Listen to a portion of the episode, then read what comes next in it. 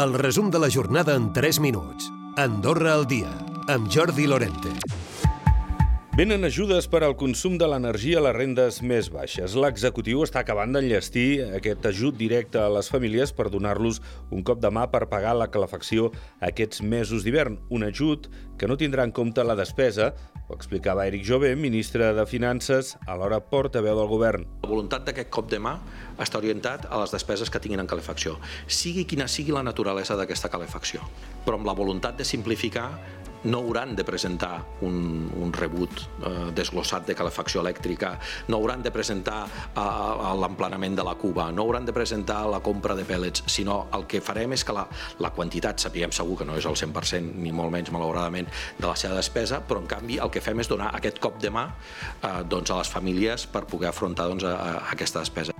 La Covid-19 millora la situació a l'hospital amb únicament un ingressat a planta. Aquesta setmana s'han registrat 48 contagis que situen els casos actius en 67, 6 més que la setmana passada. Col·laboració i acords comuns, sobretot pensant en la mobilitat. Són els aspectes d'aquest acord entre la CEA i Foment del Treball de Catalunya.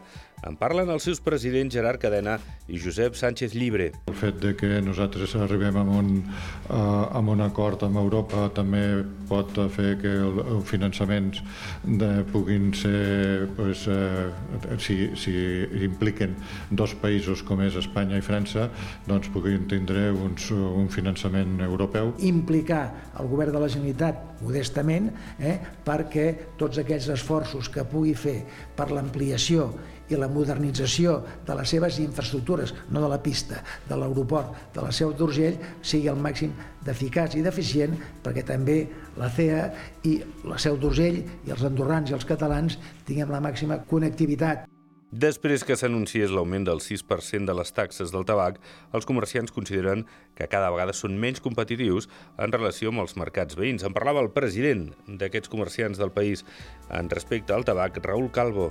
El mercat espanyol, que, que és el que ara té els preus més baixos, que fa anys que de fet realment no toquen a, els seus impostos aplicats al tabac, doncs és on anem reduint aquest diferencial i on podem tindre una certa repercussió. L'efecte psicològic sempre està allà de dir, bueno, Andorra puja preus, puja preus de la benzina, puja preus del tabac, al final Andorra s'està encarint. D'altra banda, l'associació benèfica Carisma ha donat 5.000 euros al programa Ocupa, destinat a la formació laboral dels joves en situació de risc social o problemes sociofamiliars. El programa del Comú d'Escaldes en Gordany busca facilitar l'accés a la feina dels joves que han abandonat els estudis i que no tenen experiència laboral, tot plegant sot diners que s'invertiran a la seva contractació. Recupera el resum de la jornada cada dia a Andorra Difusió.